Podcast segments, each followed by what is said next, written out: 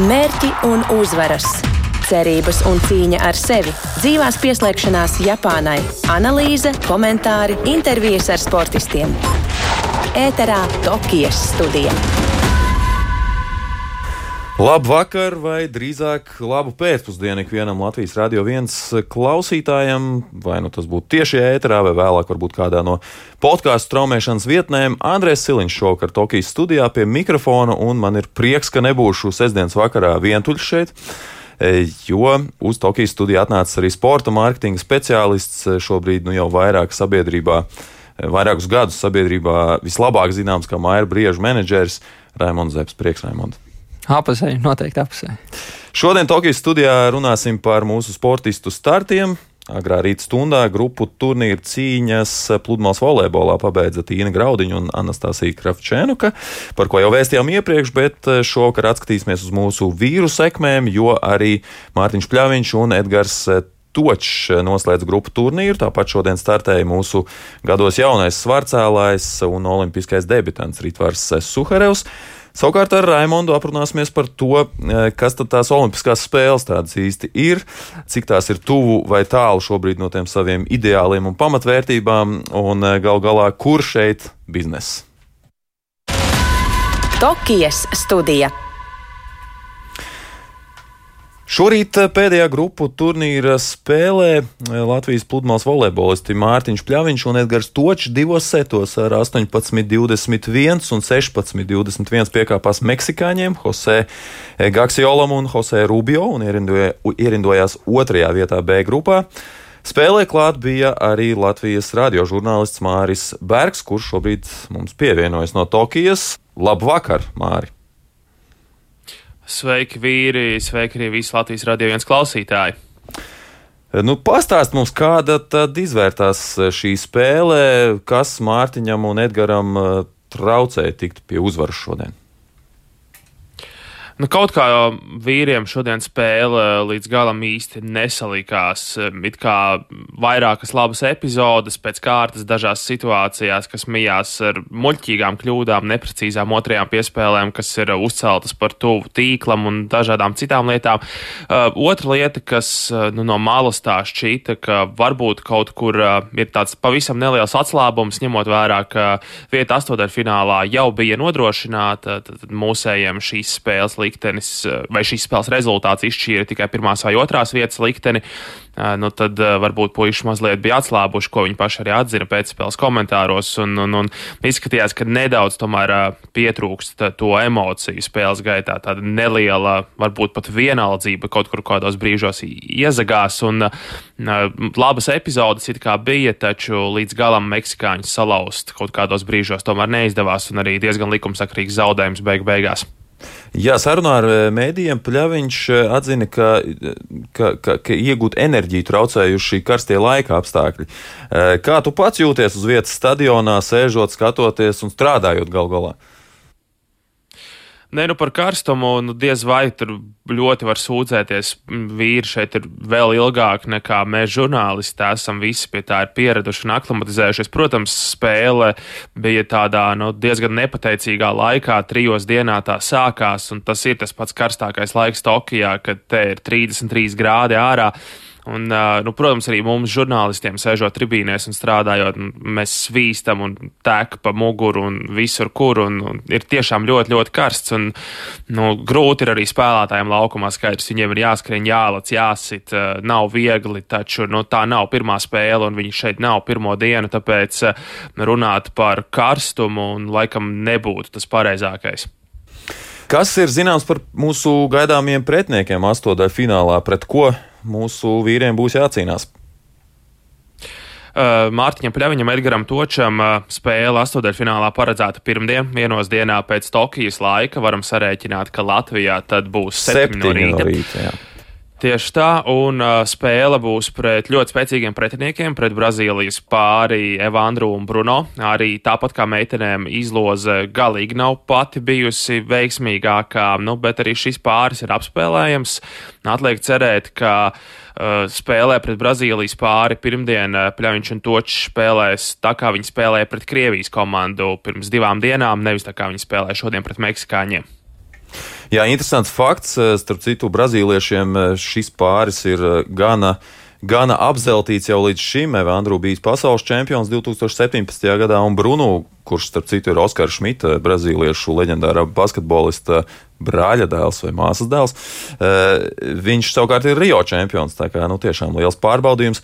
Paldies, Mārī! Mēs ar tevi atkal sazināsimies rīt no rīta Tokijas studijā, kad eh, varēsim dzīvajā pasakot, kā tad iet mūsu dāvām astotdaļu fināla mačā pret eh, krievietēm. Bet tagad paklausīsimies, ko pēc mača sacīja Mārtiņš un Edgars, un tad atgriezīsimies studijā. Mīnus bija tas, ka mēs viņiem spēlējām pirmo reizi vispār pirms tam nu, tikai bijām redzējuši, nekad nebijām spēlējuši. Tas noteikti ir mīnus, bet, bet nu, tas tāds, kā saka, vājas atrunas. Bet šeit jau Olimpijādē ir uzvara labi, zaudējums slikti, un, un būsim godīgi, tā arī ir. Tad zaudējām un ir slikti. Ir, paldies Dievam, ir, ka mums ir vēl viena iespēja plēfos. Un, un, uh, tur būs noteikti nopietnāks pretinieks nekā meksikāņi, bet plus varbūt tas, ka mēs būsim pret viņiem spēlējuši. Nu, varbūt varbūt mēs vienkārši zināsim vairāk, ko viņi dara. No tā būsim izjutuši. Jo redzēt un izjust, man liekas, tas ir bijis savādāk. Varbūt šodien bija tāds minimāl, minimāls atslābums salīdzinājumā ar, ar spēli pret Krieviju, jo, jo mēs gribējām būt plēfos, mēs tur bijām. Un, un, un, un tad šodien, kad, kad nu, kā, tev nav uztraukums teiksim, pa visiem 100%, ja, kad tu vari zaudēt, tad, tad arī pieļāvās tur vieglās situācijās kļūdas. Varbūt kā, tas ja ir papildus adrenalīns, to ātrāk skrien augstāk lec un, un, un varbūt kaut ko labāk izdari. Tad, tad šodien spēlē pret Meksikāņiem tas nebija. Gaidījām, kad saplīsīs mazais, un beigās pašs, pats no es ieplīsu pašā sākumā. Mārtiņš labi tika galā ar Staidaus. Bija bloks, bija aizsardzības, pēc aizsardzības Mārtiņam bija neprecīzāk piespēle iedeva, tad pats nevarēja noņemties. Un, un, un, un, praktiski sastais. Bija dažreiz tur piespēlīt tieši tuvāk, bet es ielīdu tīklā, varēju uztaisīt mācītienu, gribēju audiet, un tā divas reizes atsēdos blokā un līdz ar to sūdīgi iesāku savu spēli. Uh, bloks bija, aizsardzība bija, servis kļūda nebija daudz, arī bija šī izspiedām, bet viņi ļoti labi turēja ritmu. Tāda uh, mazais spēlē ļoti dažādi visu laiku. Aiz odarītas līdz cauri man, un līdz ar to Mārķiem grūtāk aizsardzībā. Nu, praktiski nebija ko spēlēt. Visu to, ko katoja pār to mēs paņēmām. Jā. Nu, ļoti dažādi nospēlēja mazie un, un, un, un, labi uzspied arī ar servīti, bet, nu, es saku, labi nospēlēja Grupas spēli noslēdzām ar uh, divām uzvarām. Viena reāla, otra virtuāla, bet ejam tālāk. No pludmales smiltīm pārceļamies uz cieto segumu. Svarcēlājs Ritvars Suharevs šodien debitēja Olimpiskajās spēlēs un izdarīja to lieliski, vai vismaz labi, jo sasniedza jaunus Latvijas rekordus svara kategorijā līdz 81 kg. Raušanā Suharevs sasniedz 163 kg, kas ir par vienu vairāk nekā viņam pašam piedarošais nu jau iepriekšējais Latvijas rekords. Un grūšanā padevās 195 kg smags svaru stienis. Savukārt mēģinājums labot Latvijas rekordu ar 3 kg smagāku stieni neizdevās. Taču summā tik un tā sasniegs Latvijas rekords 358 kg. Tas ir jaunais Latvijas rekords, kas ir par 1 kg vairāk nekā arī viņam pašam piedarošais iepriekšējais Latvijas rekords. Nu, un ar šādu rezultātu 22 gadus vecais eh, Suharevs debiju noslēdza sestajā pozīcijā. Eh, no Eiropiešiem labāk sekmējās tikai itālietim un Eiropas čempionam Antonio Pizzolato, kurš izcīnīja bronzu. Tāls Eipurs, mūsu acis un ausis Tokijā, pieslēdzies studijai. Labvakar, Tāli! Labvakar, Andrej, labvakar, klausītāji, labrīt arī labvakar Zepa kungam. Jā. Pastāst mums, vai, vai Ritvara Suhareva debija Olimpiskajās spēlēs mēs varam uzskatīt par izdevušos? No kuras puses paskatās? No viņa paša puses skatoties, ne īpaši, no mūsu puses skatoties, es domāju, ka jā, ja tu kā nu, ļoti jauns vēl svarcelšanās sportists vari eh, nostartēt ļoti tuvu eh, pats saviem visiem rekordiem un vēl dažu labi pārspēt, nu tad uh, es domāju, ka mums ir jāsaka, ka ir izdevusies tā debija. Pavisam noteikti. Un, ehm, ja tā pieredze, kuru viņš šeit ir ieguvis, tiks likta lietā un noderēs tajos brīžos, kad ehm, būs nākamie atbildīgie starti kaut vai pēc trim gadiem Parīzē, un nebūs tā satraukuma, par kur viņš pats pēc starta runāja, tad es domāju, tas vēl būs ieguvums nākotnē arī. Kā izskatījās, cik daudz tad pietrūka Rītvaram, lai tajā trešajā mēģinājumā paceltu 198 kg?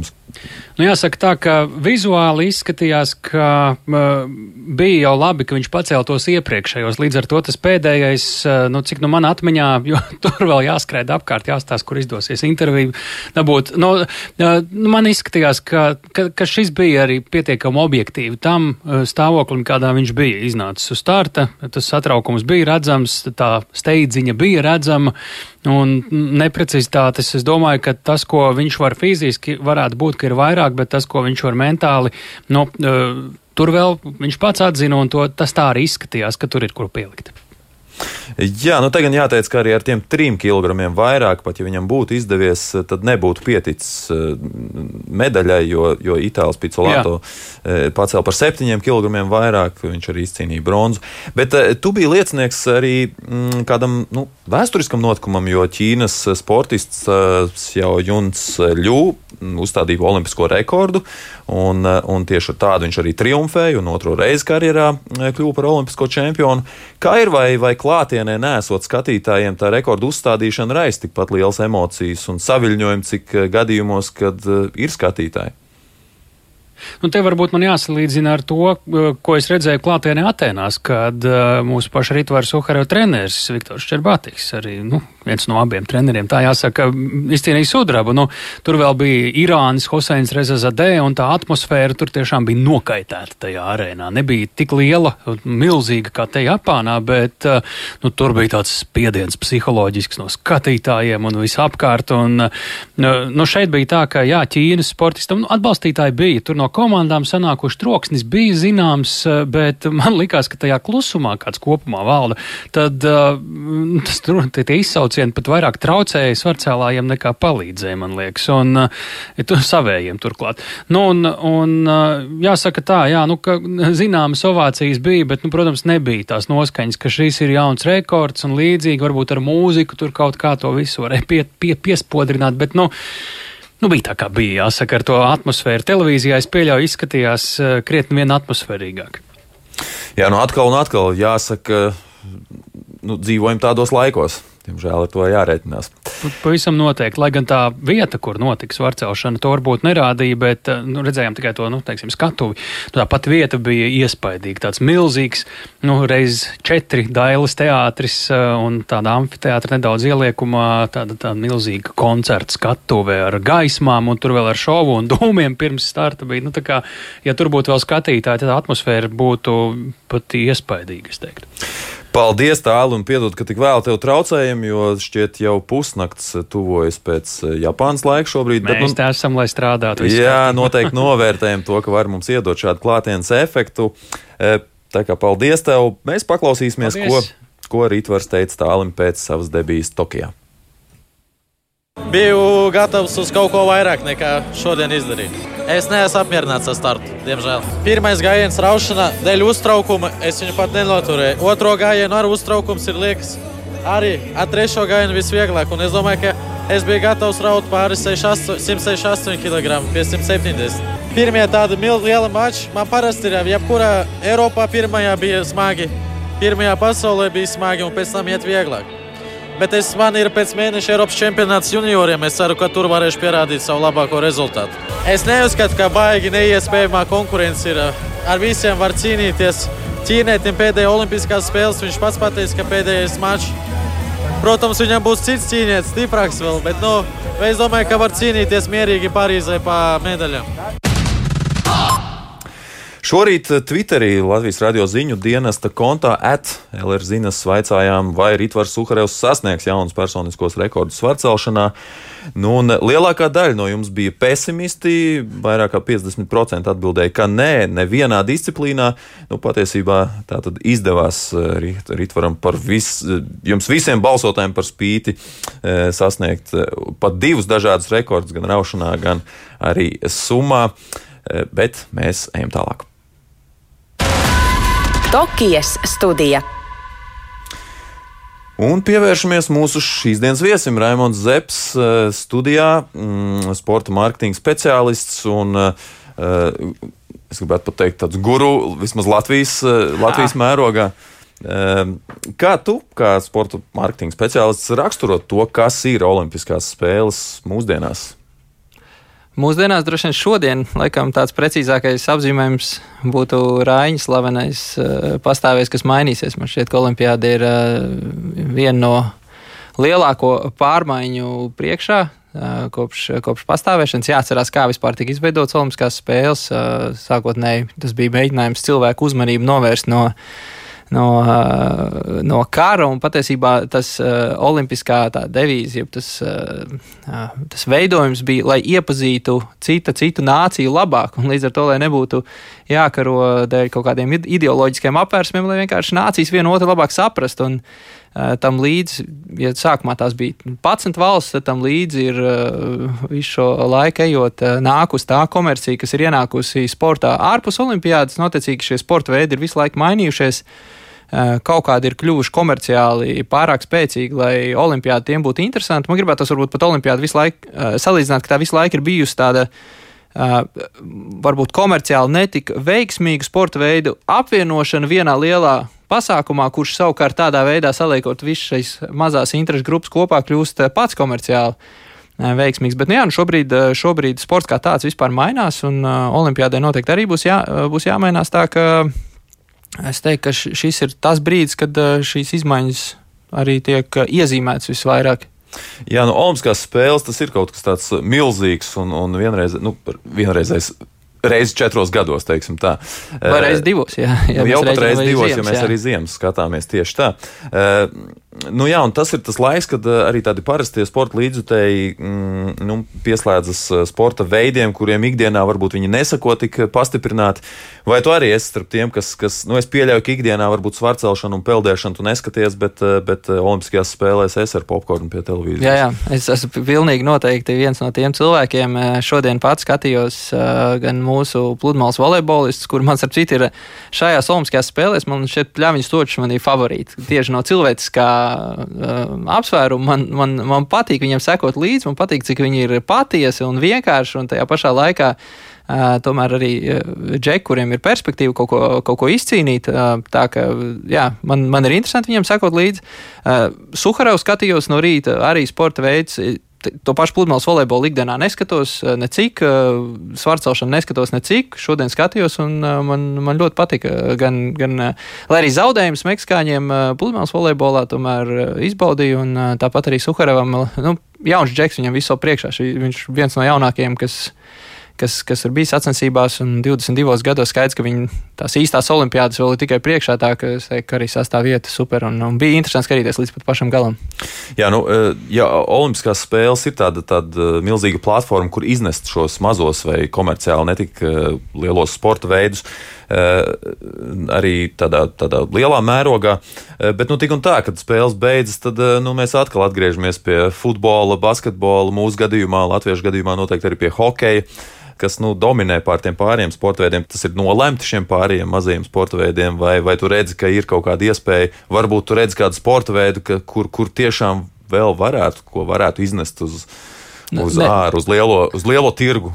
Jā, nu, eh, nevēl šie sporta veidi ir, eh, ir eh, principā reiz četrgadē kā liels notikums, bet ir, jā, tie paši ekstrēmie sporta veidi ir visu laiku paši auguši un kļuvuši ar vien lielāku un lielāku. Un tikai tad, kad jau šo, šī komūna bija palikusi pietiekami liela, Olimpiskā, Olimpiskās spēles to iekļāva savā apritē. Bet es domāju, ka pirmo reizi. Jā, jā, un šoreiz. arī paskatoties atpakaļ Ziemas Olimpiskās spēles, tas pats snowboards un, un, un, un, un, un, un citi, citi mm. sporta veidi, kur mums tomēr ir X-Games jau šobrīd, kas ir komerciāli veiksmīgs pasākums tieši šiem, šiem sporta veidiem, gan vasaras, gan ziemas ziemas. Un, Un es domāju, ka tas ir ar uh, lielu potenciālu turpināt attīstīties. Tas ir tāds netradicionāls sporta veids un, un uh, interesē jauniešiem. Jaunieši šobrīd ir ļoti grūti klasiskiem sportiem uzrunāt auditoriju. Sporta auditoriju šeit varētu iesaistīties.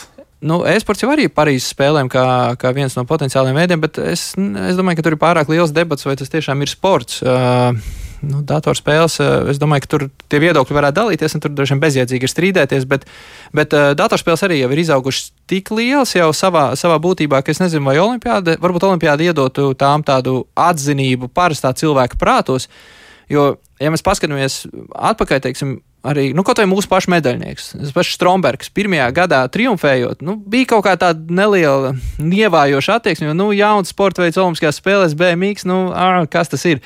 Nākamajās Olimpiskajās spēlēs, kad viņš startēja, vairs nevienam nebija jautājumu. Šajās Olimpiskajās spēlēs arī vairs tādi jautājumi, kas ir BMX, neeksistē. To pašu mēs varam asociēt uz 3 pret 3 basketbolu. Jā, es tieši gribēju pieskarties 3 pret 3 basketbolam, jo tas pirmo reizi tika iekļauts Olimpisko spēļu programmā. Kā tu vērtē šī sporta veida, teiksim, tā debiju Olimpiskajās spēlēs? Es teiktu, ka ir jau labs priekšgājējs tas pats pludmales volejbols un klasiskais volejbols, kas tagad ir arī basketbolam ievies tādā vienkāršotā, nu, principā.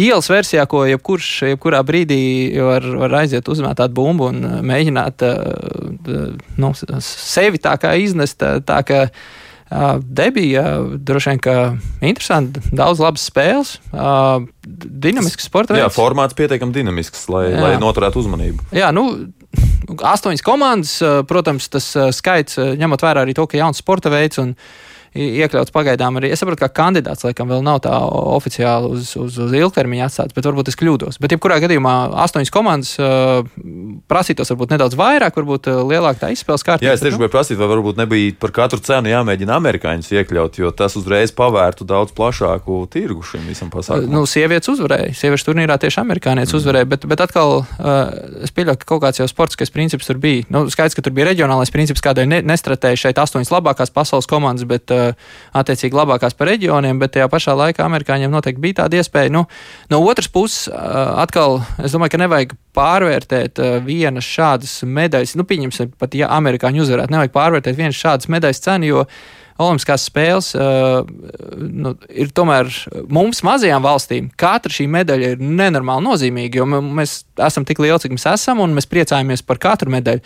Vienkārši, ja mēs te to pašu Ameriku paņemam, viņiem ziņa par medaļu nāk, par medaļām nāk katru dienu, un tās ziņas. Pat vairākas reizes dienā. Jā, jā, tā, līdz ar to tās ziņas ir tik īsas, ka vai tas dod tādu baigāko rāvienu un grūdienu sporta veidu attīstībai. Es domāju, ka tam, šiem sporta veidiem, kas ir tādi dzīves stila sporta veidi, 3 pret 3 mēs noteikti varam tādam pielīdzināt, grūdieni jau dod eh, tieši tās komunas, kas eh, paši iet spēlē, līdz ar to tur ir nepieciešama vide pareizā, attiecīgi vai pašvaldības, vai nu, Amerikā mēs tur varam runāt par štatiem, pilsētām, vai, vai attīsta to infrastruktūru, vai ir kur iet spēlēt. Un, un tas jau ir kaut kas tāds, ko cilvēki jau tāpat labprāt dara. Tā šeit to grūdienu vairāk dos tieši infrastruktūra nekā, nekā kaut kāda tāda panākumi Olimpiskajās spēlēs, nu, konkrēti lielajās nācijās. Mm. Cits sporta menedžers Edgars Buļs, kurš nu, visticamāk jau emociju uzplūdā un varbūt arī nedaudz kacinot tautu, sociālajā mm, vietnē Twitter ierakstīja, ka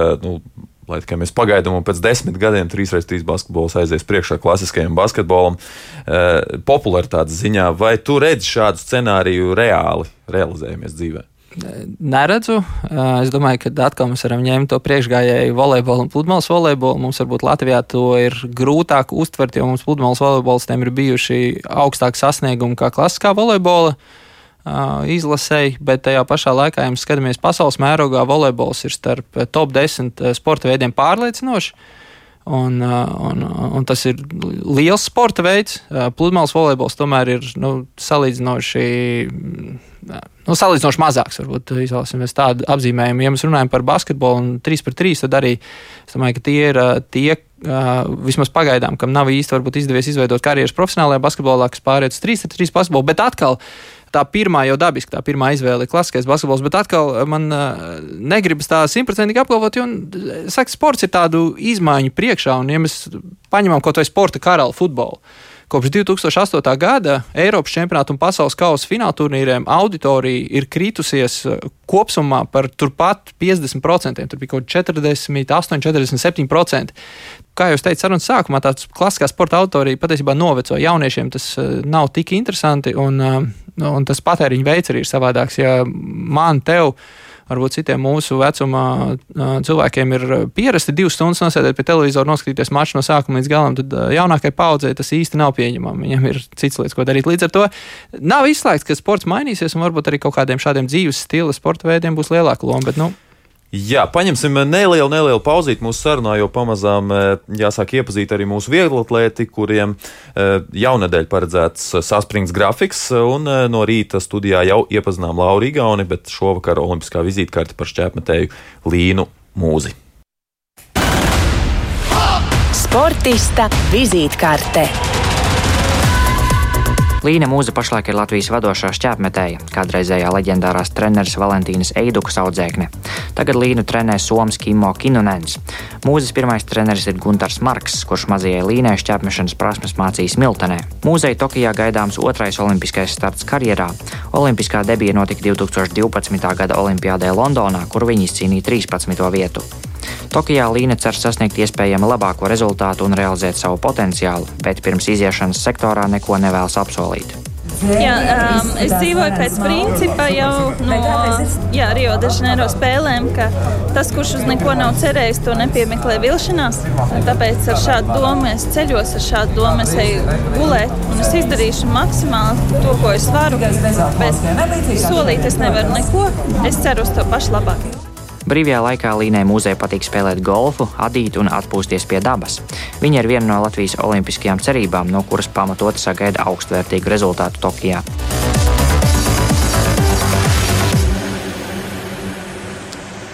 Nu, pat noklausījāmies Līnas mūzes vizītkarti. Raimond, cik viegli vai grūti ir izveidot tādu sportistu, sportistu dzīmolu vai sportistu par superzvaigzni vieglatlētikā?